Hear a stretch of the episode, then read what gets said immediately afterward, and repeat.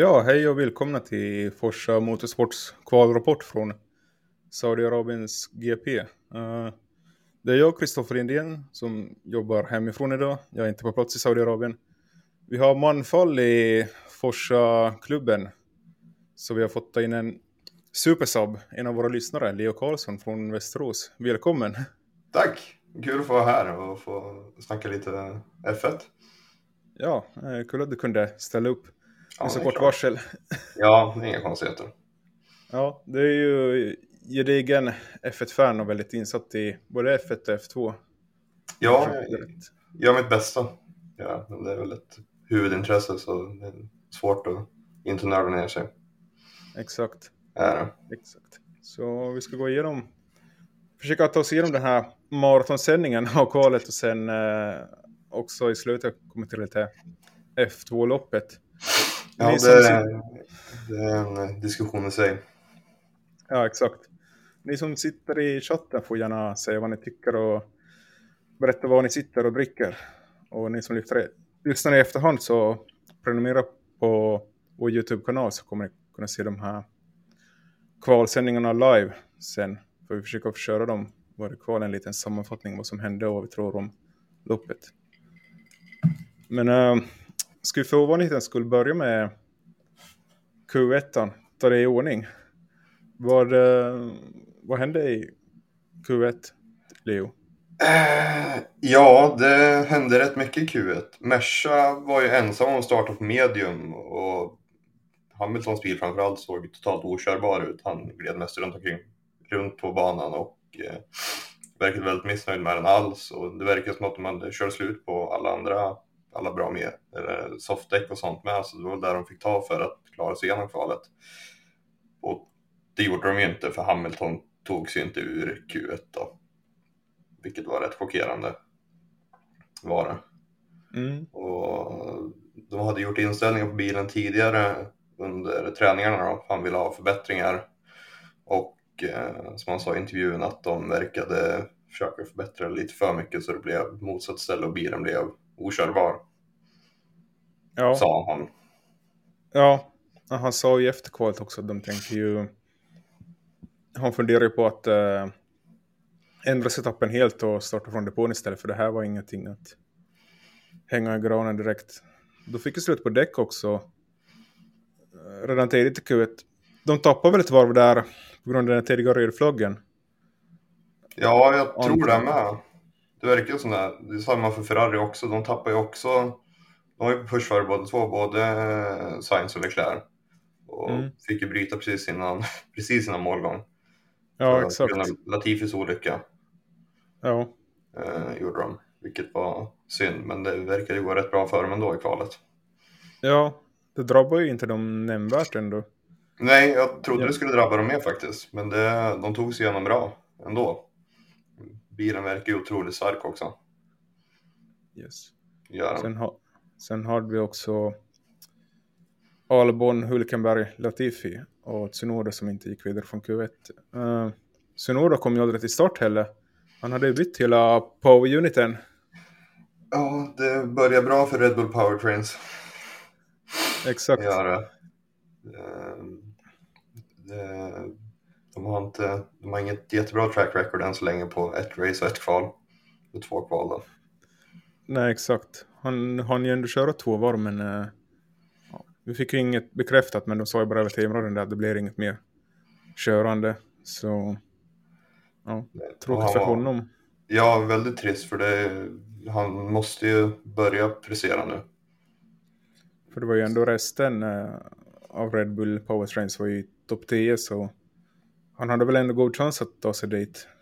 Ja, det känns som att han har ändrat sin inställning väldigt mycket och eh, ja, attityd och allting och blivit mer seriös, eller tar det seriösare nu.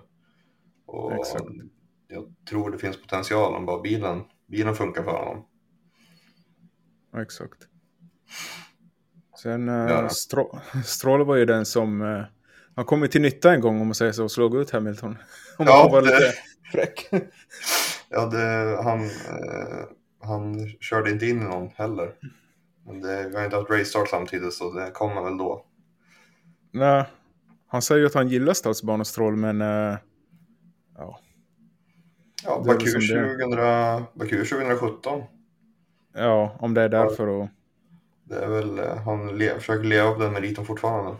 ja, och lite i regnkval har han gjort bra, men sen när det på riktigt så går det väl sådär för honom. Men, men Ja, det, det, det är synd. För han bevisar ju sig själv i juniorklassen ändå när han kör. F3 vann han väl med över 100 poäng mot nummer två när han körde.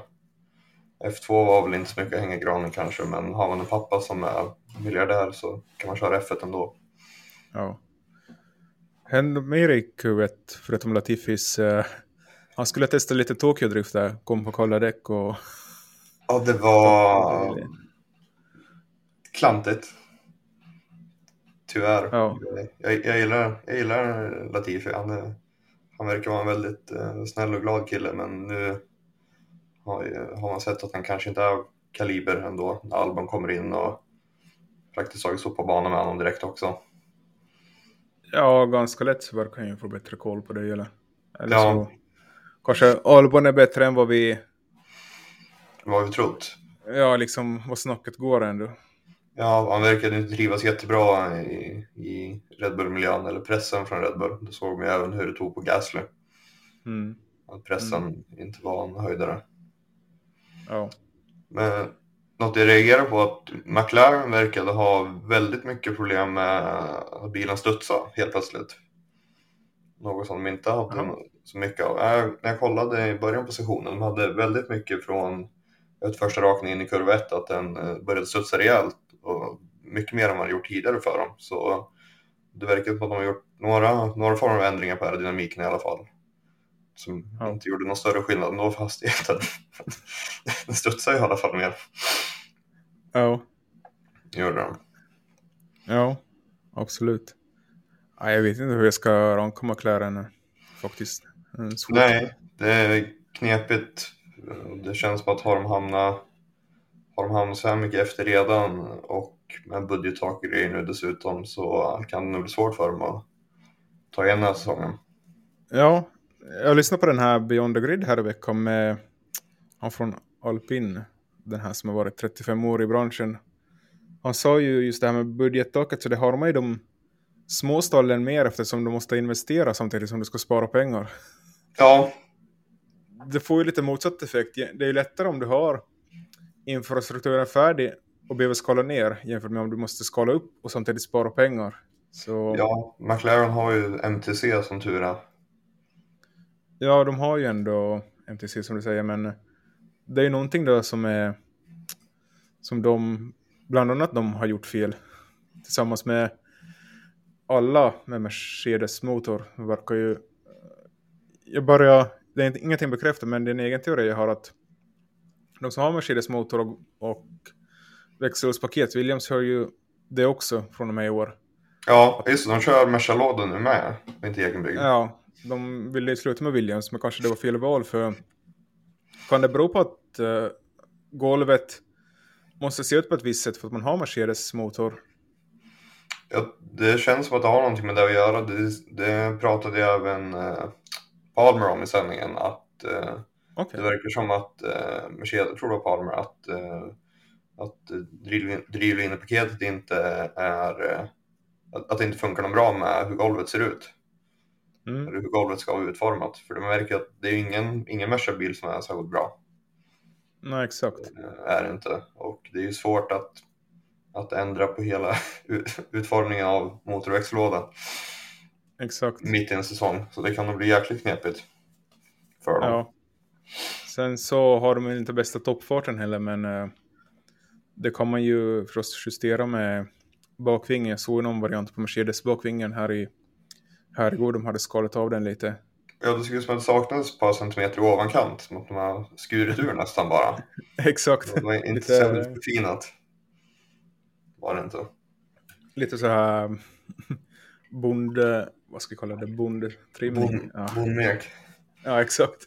Men det var ju som Alpin gjorde under, eh, under testerna när de, eh, när de tog ur... Eh, fan, vad heter det? Sidorna. Sidokjolarna med hålsåg. för att Ja. minska porpoisingen. Det var slussningen, det var bara yxa. Många. Exakt. Liten såg och fil så är det fint. Ja, ja. Ja, Det är Formel 1 på hög nivå.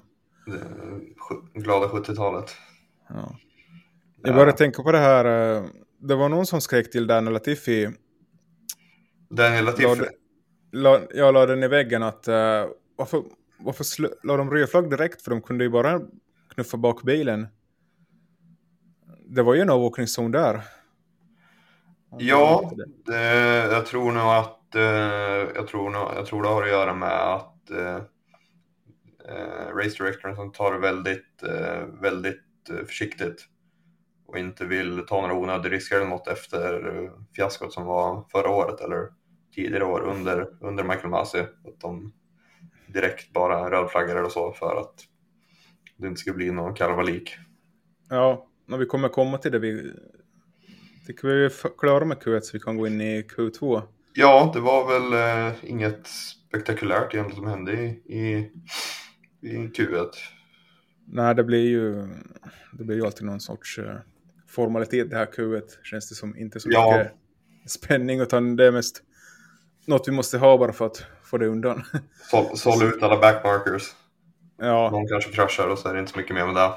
jag tycker det skulle räcka med en Q1 och Q2 som i MotoGP istället. Har du Ja. tänkt på det någon gång? Att eh, man kör bara en Q1 och håller ut, tar ut topp 10. Och sen liksom kör man bara 10 bilar i Q2. Som sätter startordningen. Och det hade ju varit, eh, varit eh, smidigare. Tidseffektivare framförallt. Speciellt när det blir sånt här. Ja, Det är rödflaggor och grejer och det gör ju, gör ju ingen, det gör ju varken från eller till egentligen. Visst det är väl att förarna får, får chanser att förbättra, mm. förbättra sig lite men eh, det är ju kval. De ska ju vara redo. ja. Ska de. Ändå liksom det här Q3 hjälper med spänning är ju om någon typ Hamilton eller någon som inte ska vara där råkar hamna där. Ja, Då precis. har det liksom eh, gett en extra skydda men annars tycker jag inte första, första kvalrundan bidrar så mycket faktiskt i själva tillställningen. Nej, det är ju, det, den är ju bara där. Man, är inte så, man kollar inte den särskilt intensivt. Q2 är ju, är ju mer spänning i, tycker jag. Ja, och där hade vi ju, går vi in i Q2, så där hade vi ju en rejäl krasch av eh, Mick Schumacher som, eh, ja, Den var otäck. säga? Den var jävligt otäck. Och det är ju, det är ju curbsen där i, vad är det nu, kurva... Det är så mycket kurvor. Jag säger kurva 11 kanske, eller 22. Det var nog i, bör- det var i första sektorn i alla fall. Ja, kurva, är det kurva 11 då, eller vad är kurva 10? De där Ja, curbsen ser man ju om de, om de kommer, om de kommer fel. Bilarna får ju studs och kast. Fick ju Ocon i, Ocon fick i Q3 med, körde på curbsen likadant och höll på att sätta den i väggen också. Mm. lyckats rädda upp. Och det skulle ju, det skulle ju nästan kunna antingen ha curbs längre in eller flytta, ta bort curbsen helt och enforce track limits där. För att undvika sådana olyckor, för det går fort där. Ja, det liksom, jag kollade ombordbilderna och han liksom fick ju fart av curbsen. Ja, för de den, den är liksom så hög ändå. Att det, ja, jag vet inte varför de... Det är säkert någon tanke att man inte ska kunna chansa att köra över dem, men det här får liksom motsatt effekt när de kan tappa baken och slå in sådär som Mick gjorde. Ja, precis. Det blir bara, bara farligt istället. Blir det. Och det är ju... Men det var, var det inte förra året? Eller, när var? Jo, förra året på Kota när de tog bort Vettel eller var på att de skulle ta bort sausage curbsen där just för att eh, eh, körde du på dem istället för att bara köra rakt igenom så flög det av banan praktiskt taget. Mm. Och det kän- känns samma sak här. Och, och det känns inte som att de har uppdaterat banan helt som FIA krävde för att köra ändå. Men eh, de har fått bra betalt så de fick köra ändå. För det var ju, alla punkterna var, ja ah, här är bara åtta eller, åtta eller nio punkter av 15 var åtgärdade för det här GPet. Mm. Som var ett krav efter det förra. Ja, Det där kravet blev en rekommendation helt plötsligt. ja. de hade förstås väldigt kort tid på sig. Det var ju knappt fyra månader sedan man var Ja, här sist. Jag minns jag pratade med organisatören där under bara en testerna. Eh, han sa ju det också att uh, de gjort det ganska... Han tyckte ju att, uh, att de har gjort ett bra jobb att hinna med så många punkter på bara några månader. Men dels så tog det ju länge innan vi fick veta någonting om kraschen. De visade ju inga bilder Nej. efteråt. det, när de inte visar någonting så brukar det gått illa. Ja, det var ju väldigt oroväckande. Ja, och det var ju en hård krasch också. 35G tyckte jag hon sa. Det var ju ändå skapligt. Han blev ju lite öm i sidan kan jag tänka mig. Ja, och det är ju ingen, det är ingen däckmur eller så, så heller. Är det, är det safea barriärer där eller är det typ bara vanliga med skumgummi liknande? Det är väl de här, man har väl tagit lite modell från Monaco, inte helt men uh, det är väl en av bättringarna man har gjort. Man har tagit samma som i Monaco just de här, jag vet inte vad man ska kalla dem, men just de ska göra att du bromsar in men studsar ändå ut på banan igen. Ja, men är det likadant som de kör i, är det safe de som de kör i Nascar Indycar på ovalerna? Mm. Eller? Ja, jag kan inte så bra om ovalet måste jag säga. Nej. Men i alla fall, efteråt de hade fått ut honom ur bilen och det där så tog det ju ändå en halvtimme till före vi fick... För det var ju någonting de gjorde fel där när de styrde undan den när uh, Nils, vår nya tävlingsledare, vi fick äntligen se honom i bild nu. Eller Ja. Nisse som vi började kalla honom. Nisse låter bättre. Ja, Ordning och reda på honom. Ja, han tog ju safety-caren och åkte ut och kollade vad de har ställt till med. Ja, han var inte så imponerad av Marshallsens arbete. Såg det ut. Nej, det var nog helt klart någonting som de hade gjort fel i. Det var det här pulvret eller vad de hade satt där kalk som eh, inte var... Det skulle tydligen inte varit där för de fick ju komma sen med två sopbilar Ja, och, och tvätta bort det. och tvätt, tvätta bort skiten från banan liksom. Det såg jag jag har aldrig sett dem där tidigare. Ja. Och en polare skickade till mig och sa att de kommer väl komma med sämskinnen och putsa bort det där innan de får köra. Ställa, sig, ställa sig och fräsa asfalten och, och eh, lägga ny nästan. Ja, exakt. Ja, det var... Det känns ju lite... Som just det här Saudiarabiens GP är ju lite... Av många skäl lite... Tvingat. På något sätt. Man har inte funderat ut som i Monaco att här kan vi lyfta upp bilar och sånt här. Att det ska alltid ta en... eh, Flera minuter vid varje rödflagg förrän man har fått ordning på torpet. Ja, jag tycker att de borde ha Monacos Marshalls överallt bara. Det tar två sekunder så är banan ren och så kan man köra igen. Ja, i alla fall någon, lite mer drillning borde de ju ha än det här. Ja, och bättre, bättre, alltså borde få bättre utbildning också. Liksom. Det känns som att det är väldigt, eh, de sprang mest runt på banan med sopkvastar och några sprang, sprang och plockade kolfiber och någon sprang med en, med en piassava-kvast liksom och, och sopade lite och det var inte så noga. Ja, exakt. Ja. Gjorde det inte. Men det, man får Ja, men- hoppas att det blir förbättringar i alla fall. Ja. Ja, men tur i alla fall att uh, Micke är okej. Eh, Ja, han log när de filmade honom på våren. ja, de visar lite bilder där och han tog ju ändå 14 starttid nu då, så jag undrar, eh, kommer han köra imorgon? Vad tror du? Jag tror inte att han kommer få ihop den här bilen med tanke på att eh, motorväxellåda, eller växellådan ramlade av när han lyfte den. Jag har inte så höga förhoppningar för att de ska få ihop det där över natten. Eh, Nej, de, de passade på att göra det ännu värre än, än vad det var.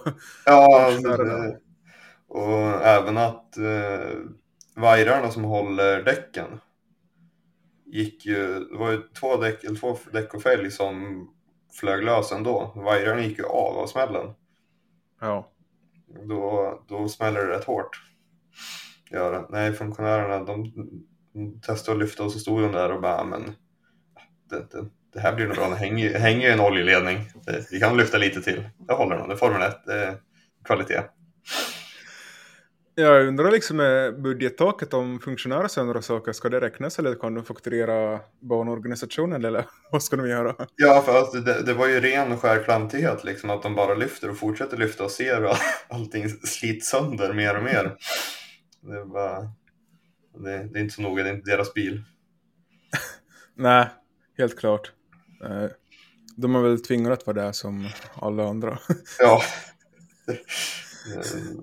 Arbetsmoralen är inte den högsta i Saudiarabien kan vi ju se. Nej, det, får man inte betalt för att jobba så bryr man sig inte så mycket. Nej, exakt. De, äh, de får väl några dirhams ändå. Ja, Sen, jag vet inte, kanske hundra? Nej, jag har ingen aning. Ja, ja. Tur man inte åkte dit i alla fall, av flera skäl. ja det är vansinnigt att de kör där. Tyckte det var vansinnigt att de skulle köra där och det, det var ju, det var ju missilattacker under eh, Formel E förra året också. Ja, och just I- den här... Så det, Ja, och just, eh, vi kan ta det lite sen också, men eh, Dakar, under Dakar så, som de också körde i Saudiarabien så var det ju en bilbomb på en hyrbil som av förarna hade. Och det här ja, fick de ju tysta ner ganska rejält. Och det har, det har jag inte hört någonting om. Nej. Så det var ju, det är väl de här samma rebellstyrkorna. Är härligt. Men, Ja, liksom en eh, förare kom inte till start på grund av terrorism. Nej, det, det är vansinnigt. Men Ja. Curbsen såg ju rätt aggressiva ut överlag på banan. Mm. Där. Tänkte du på att de, eh, de fick ju de fick ju så de tejpade ihop eh, Gaslys eh, sidokjol med silvertejp innan de skulle ut.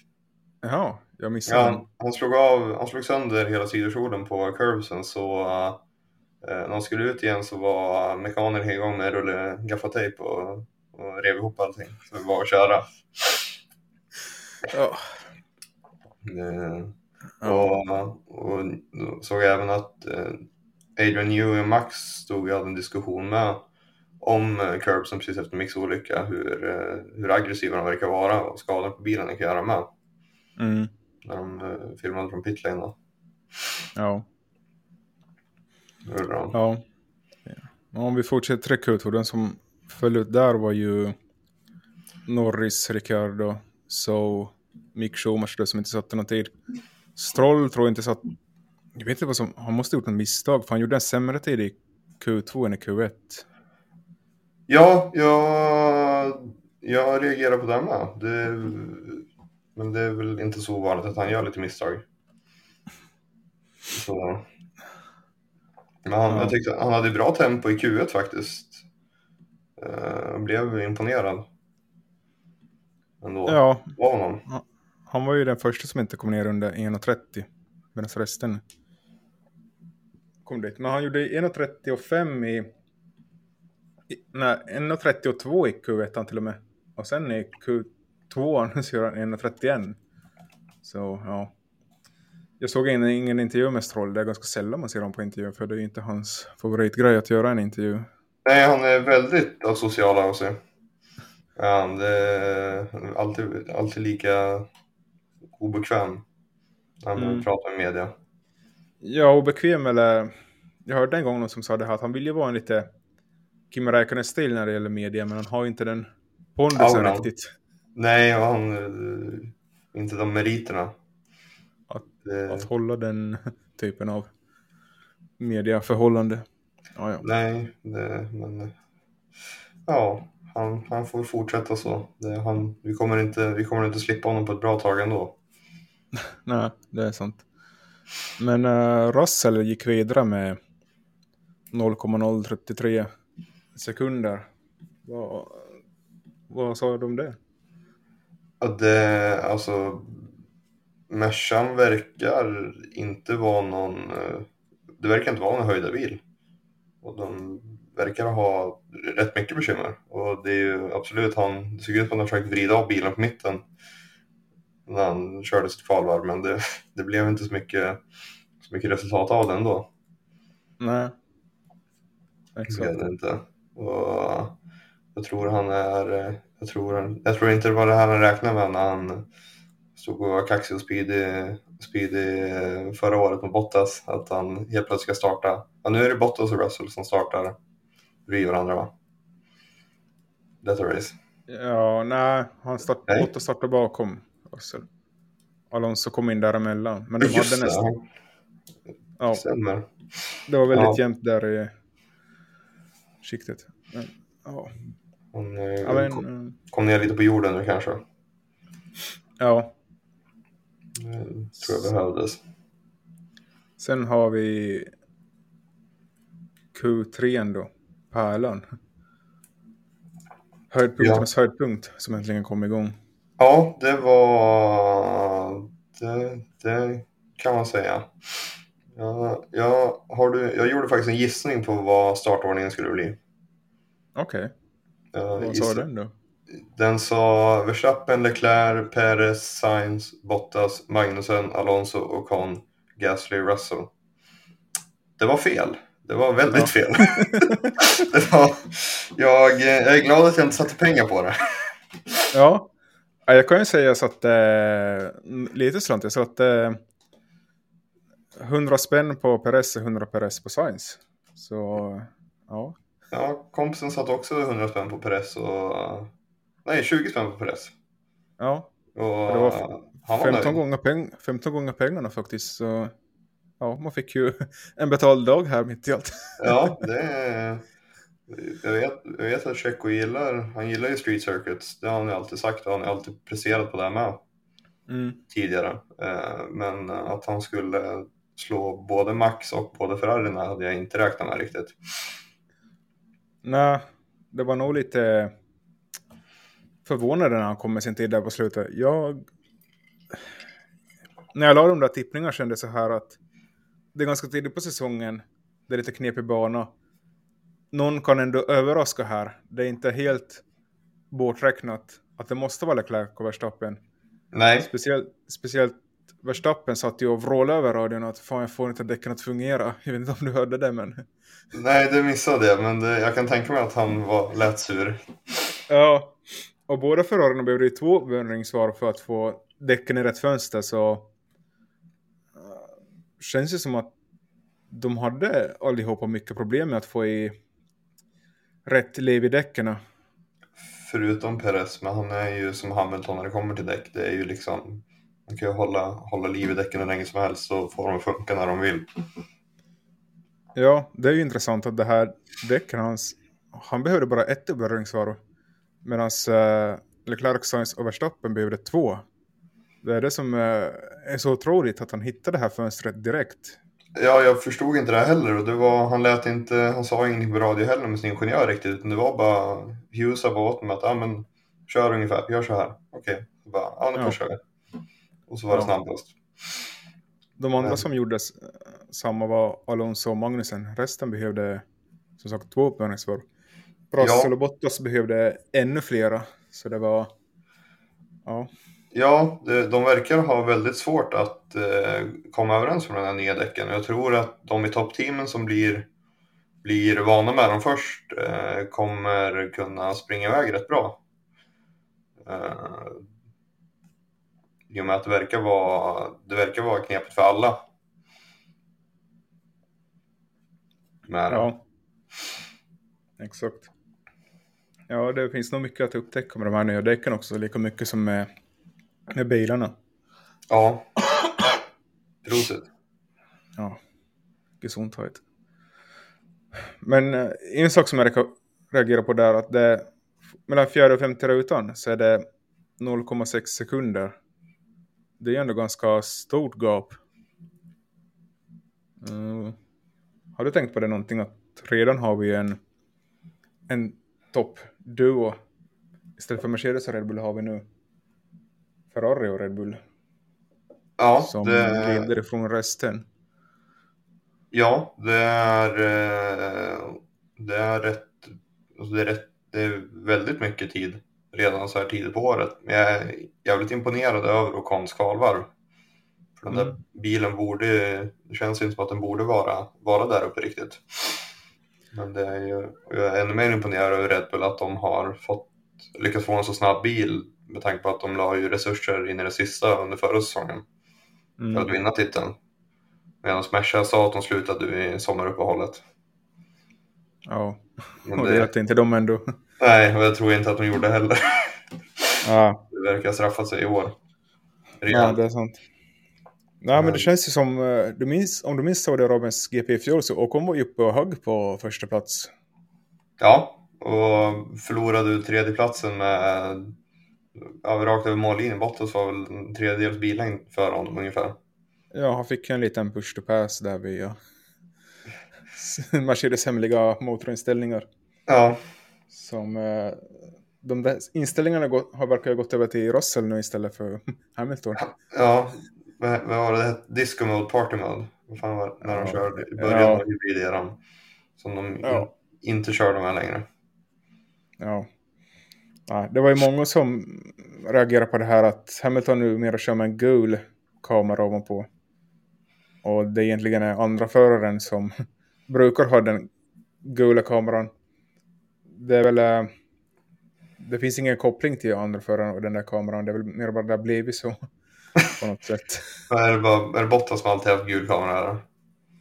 Ja, före det så var det väl eh, Rosberg tror jag. Ja, Men eh, Hamilton gillar ju den. Han har ju uppdaterat sin nummerdesign och det passar väl bättre med den gula kameran så det är väl därför. Ja, säger de. Kul för Bottas. Ja. Tiden springer iväg när vi har roligt här. Jag har redan snart en halvtimme. Vad, Gud. vad tror du om loppet imorgon? Eh, loppet imorgon tror jag kan gå... Jag tror det kommer bli i alla fall två rödflaggor. Okej. Det, det, varför skulle det inte bli det? Ah, det det är så fort det blir en incident så är det ju röd flagg. Det finns Ja. ju ingenting annat här. Nej, precis. Så två rödflaggor. Två incidenter då, skulle jag gissa på. Eh, jag tror att eh, Perez inte kommer ta starten så bra Mm. och kommer tappa tre placeringar. Hamna, ja, ja, han kommer att hamna bakom Verstappen precis. Tror jag. Eh, och Conor Russell kommer nog ha det hett i första kurvan.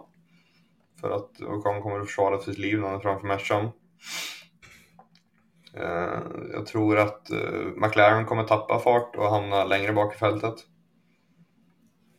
Känns det som, för att varken bilen eller förarna känns särskilt bekväma med... Varken förarna... Förarna känner sig inte så bekväma med, teamet eller bilen just nu, känns det som. Och att de har tappat lite motivation. Ja, Det känns inte som att de har, de har, har något större, större intresse längre. eller ambitioner. Nej, precis. Det bara, speciellt när det var, gick så bra för dem förra året och det bara gick bättre och bättre och bättre. Ja.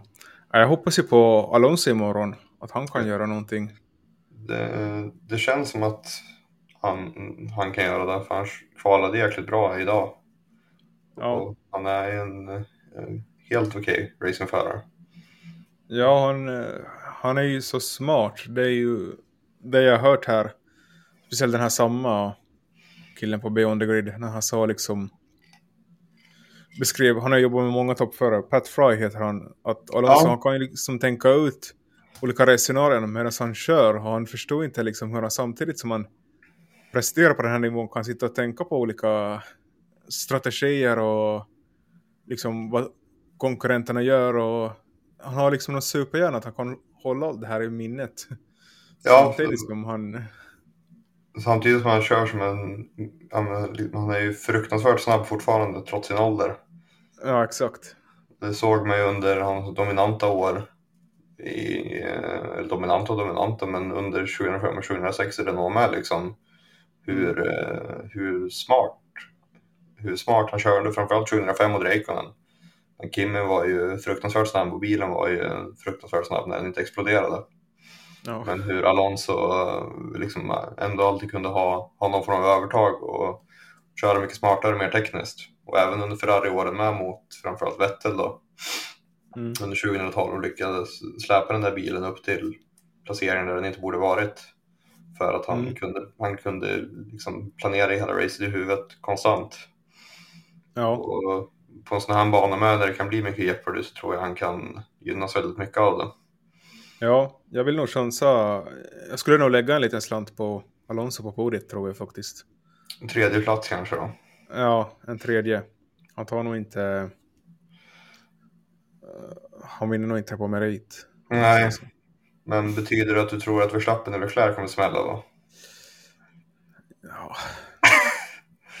Blir det samma som förra året? Nej, det var ju mycket, när vi hade det här loppet förra året var det ju mycket av incidenterna berodde på att det var så jämnt i VM också. Ja. Det är inte samma läge nu så det kan ju hända att det blir inte lika spänt. Men mm. äh, ja, man vet ju aldrig. Det... Max är ju Max är ju Max och Leclerc är ju också när han får blodad tand. Kör ju väldigt, väldigt hårt och aggressivt liksom, båda två. Ja, men jag tyckte det var bra när han sa idag att uh, han satsade inte Max. För det, så han skulle slippa de här... Uh, jag menar Dumma Max liksom... Ja, exakt. I'm so stupid incidenterna. Ja.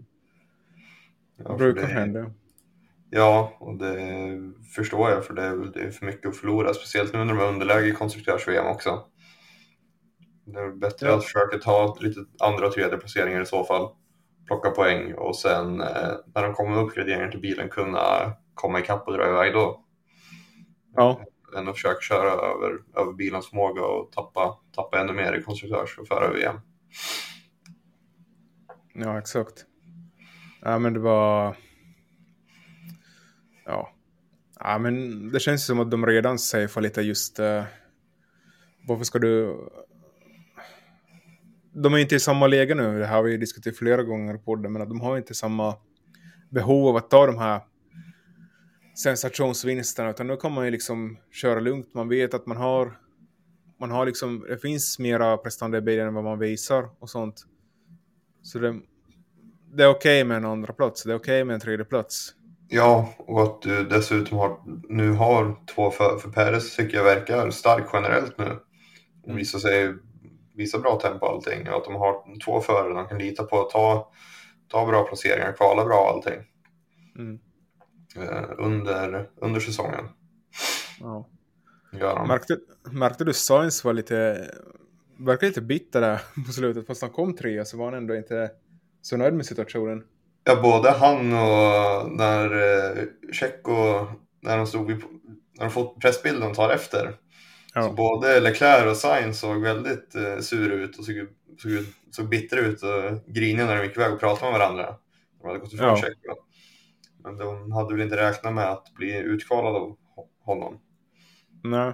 För han är ju, han är, jag tycker han är den förare jag håller väldigt högt och jag har alltid tyckt om honom för att han kör han har jävligt bra racecraft. Han kan köra väldigt hårt, han kan försvara, han kan köra om.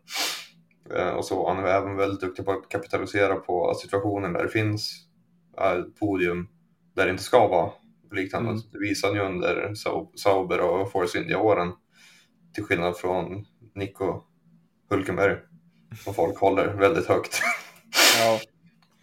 Men han är en liten dark horse Peres. Han är väl ingen som eh, någon tippar kommer vinna VM i år. Nej, hans kval, kvalprestationer har väl lite att önska men just som racerförare tycker jag han är fruktansvärt duktig. Och, han har ju inget att förlora imorgon heller, så det är ju på hans sida. Ja, precis. Om, och om man nu dessutom lyckas eh, hitta att eh, kommer bra överens med däcken och får dem att lira mycket bättre än de övriga teamen gör så tror jag han kan springa iväg lite faktiskt och ta en racevinst om, om man tar starten bra. Mm. Uh, det är Kamui Kobayashi som lärde honom ta hand om sina däck. Ja. Rolig anekdot, som kanske inte så många vet om. Nej, jag minns det, de körde ju i samma stall där ett tag. Ja. ja. Men uh, ja, tiden springer iväg. Ska vi gå in på F2-loppet? Vad hände i, idag? Vi ska före vi tar F2 så ska vi nämna att vi har en Patreon som sagt som ni kan stötta oss via.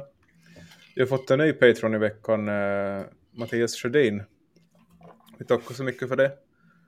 Och eh, ja, vi tackar jättemycket till alla Patrons. Jag hoppas att ni uppskattar det vi gör och det liksom motiverar oss att göra saker ännu bättre när ni slänger in en slant.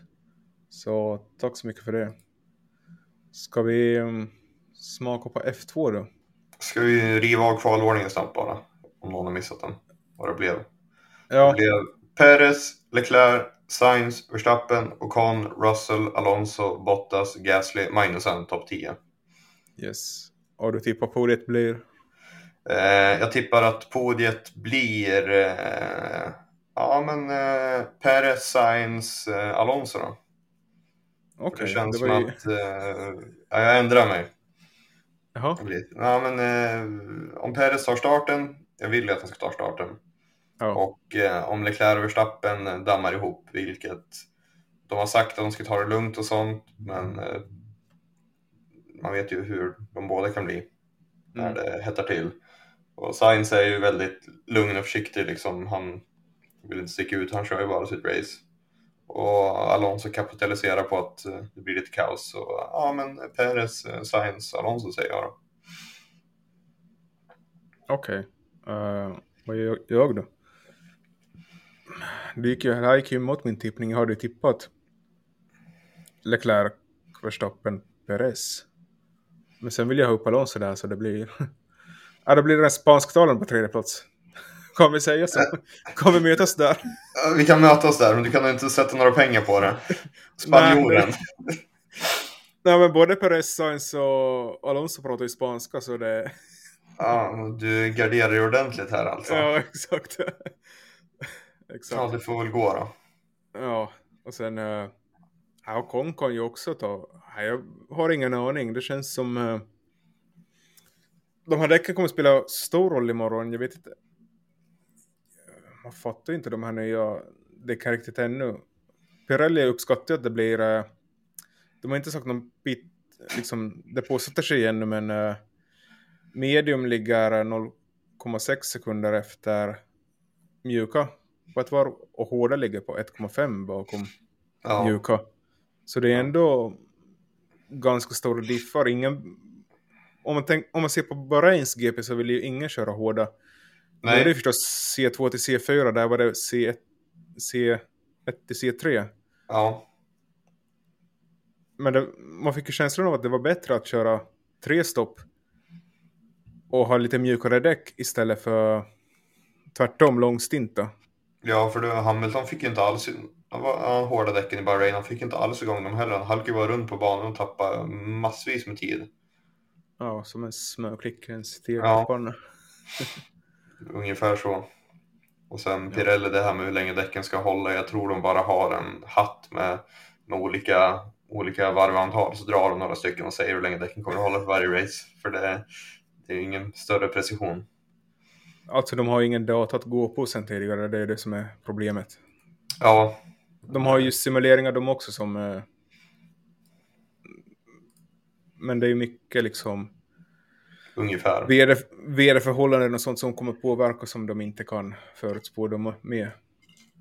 Ja, en, de har nog lite press på sig. Men ja, ska vi ta F2 sådär snabbt? Ja, nu tar vi F2. Vad hände där? Eh, ja, vad hände där? Det... En av förarna, jag kommer inte ihåg namnet på vad det för det eh, smällde i alla fall i, eh, efter bara några få varv. Det blev röd flagg. Eh, efter eh, ja, med Dennis Ha- Hauger fortsatte ledningen då, vilket är väldigt kul. För jag tycker han kör Mm. fruktansvärt bra och det är kul att ha en norrman som presterar så högt i, i annat än rally. Eh, eh, omstart. Eh, Hauger börjar dra iväg. Två förare till smäller i... Eh, ja, de har inte kommit iväg riktigt utan de ligger fortfarande i safety car-tåget. Krasch igen. Hauger blir inkallad till depån. De eh, lagen som svängt av för att köra mot depån så är depån stängd. Han kör in i depån ändå. Eh, får en eh, penalty för att han har kört in i depån när han har svängt av i depåfilen och stängt den under tiden. Och hade han då kört ut på banan igen hade han fått en bestraffning för att han swerving in the pit lane ungefär. Så han tappade alla placeringar och hamnade sist och eh, förlorade racet med 56 sekunder. Ja, vilken eh, Ja. sjuk från pole position. Ja, och körde, körde, all, körde bra, kontrollerade, kontrollerade racet bra, kände sig bekväm och allting. Det såg ut som en solklar vinst i sprinten. Mm. Och så ja, sket det sig totalt. Ja, alltså jag tyckte det... Jag fattar inte om det var tävlingsledningen eller vem som... Eh, han gjorde ju bara det han blev tillsagd och ändå... Ja, vad ska man göra? Jag vet inte om de kan överklaga det där. Det kommer inte förstås ändra hans position så det, går, det hjälper väl inte att överklaga men... Eh, fatta liksom att ge bort en viss sådär. Det gick ju inte så bra i Bahrain heller så han tappar ju många viktiga poäng här. Ja, tidigt. Speciellt på en eh, mycket kortare säsong jämfört med F1 också. Mm. Uh, är, så det är jäkligt trist och han fick ju, han lät inte så glad över det efter att uh, andra safetycarden hade släppt, att han var tvungen att åka in och ta en 10 sekunders stop and go. när han redan låg sist. Ja. Som, uh, som salt i såren. Ja exakt, han har ju liksom noll poäng ännu, jag fattar inte. Nej, han hade ju kunnat tagit så många fler. Men eh, Juri Vips gjorde en fruktansvärt snygg om, omkörning på slutet. Mm. Och rakt över mållinjen för andra platsen. Tredje, tredje platsen. Ja, andra. Ja, andra platsen. Och jag mm. tyckte han körde ett väldigt bra race överlag. Väldigt, eh, väldigt aggressiv, väldigt snygga omkörningar. Eh, verkade ha, han var aggressiv men inte för mycket utan eh, han öste bara på och eh, tog sig upp. Mm. Det, var, det var kul. Kul att se. Ja, det är mycket att se Jure Vips i sin high-tech i år, känns det som. Han ja, håller ja. inte tillbaka. Jag tror det med. Borsung tyckte jag presterade bra också i sin fantastiskt eh, snygga bil. Och, ja, men det var väl ett eh, kaotiskt F2-race som de flesta andra F2-race är. Ja. Är det Borsung som har svenskbilen eller? Ja, det är han som har svenskbilen. Med. Som det står bitcoin och bara en massa memes över hela bilen. Ser, den ser fruktansvärd ut. Men eh, ja, du, du finansierar ju hans uh, racingkarriär så. Ja. Karl, eh, Karl Linefelt. Karl Runefelt, sorry. Ursäkta, jag sa fel. Ni kan kolla efter den om ni kollar på F2-loppet imorgon. Det är svenskbilen som vi kollar. Ja, och istället för att ha Richard Mill på Halo så står det bara hashtag Karl Runefelt. Ja, exakt. Det är lika exklusivt. Någon som gick från en butikskassa till uh, ja, bitcoin-miljonär. Han är yngre än mig. Så det känns bra. ja, han är väl yngre än majoriteten av alla våra lyssnare. Mm. Så det är tydligen några bitcoin har jag men inte så många så jag kan sponsorera en F1-bil. Bara köpa ett stall. Ja. Nej men tyckte, tycker ändå det är ganska öppet i F2 i år. Det är därför jag känner mig mer taggad på F2 i år än vad jag gjort de senaste åren. Det är just ja. de här tre Red Bull-förarna, Jurevic, Liam Lawson och Dennis Hauga. Det, de, de slåss ju om Sonoras plats som man inte lyckas i, i år. Ja, Ja, det är ju det är verkligen det och vinner. Det känns som att Red Bull kommer vilja ha in. Eh, jag skulle kunna tänka mig att Red Bull skulle vilja ha in Hauger för att det är en väldigt bra success story att vinna, vinna F3, gå direkt till F2 om det inte hade strulats mycket. Men eh, om man nu vinner F2 med så eh, kan man absolut ta Sunodas plats ifall Sunoda inte, inte får upp tempot. Ja, nej, det finns ju ändå, det är ju ändå 13 tävlingshelger kvar så det blir ju 26 minus 3, det är ändå 23 lopp kvar så möjligheterna finns ju ännu, bara det ja. går hans väg. Och han är ju rätt stall. Han är, kör ju för Prema och det är inget skitstall så det Nej, det är ju toppstall liksom. Ja. Så, så... hoppas på att det går bättre. Ja. Just det. Ja, men vi ser fram emot två spännande lopp då imorgon. Ja, verkligen. Men uh, ja, det var väl ungefär det vi... Vi kan väl nämna också den här incidenten igår. Folk som inte har följt med så bra. Eh, fick sitta uppe till klockan ett igår kväll när efter FTP2 gick ju förarna direkt i ett möte. Uh, efter sina media debriefs. Så de satt ju där i fyra timmar och de var ju ganska eniga att de ville inte köra i, i helgen. jag fick främst Alonso och Hamilton var väl en av dem som sa att vi, vi skulle inte köra här på grund av det hade skett en missilattack. Typ två En mil, mil från från ba- banan. En mil från banan. Ja, en eller två mil, det verkar det.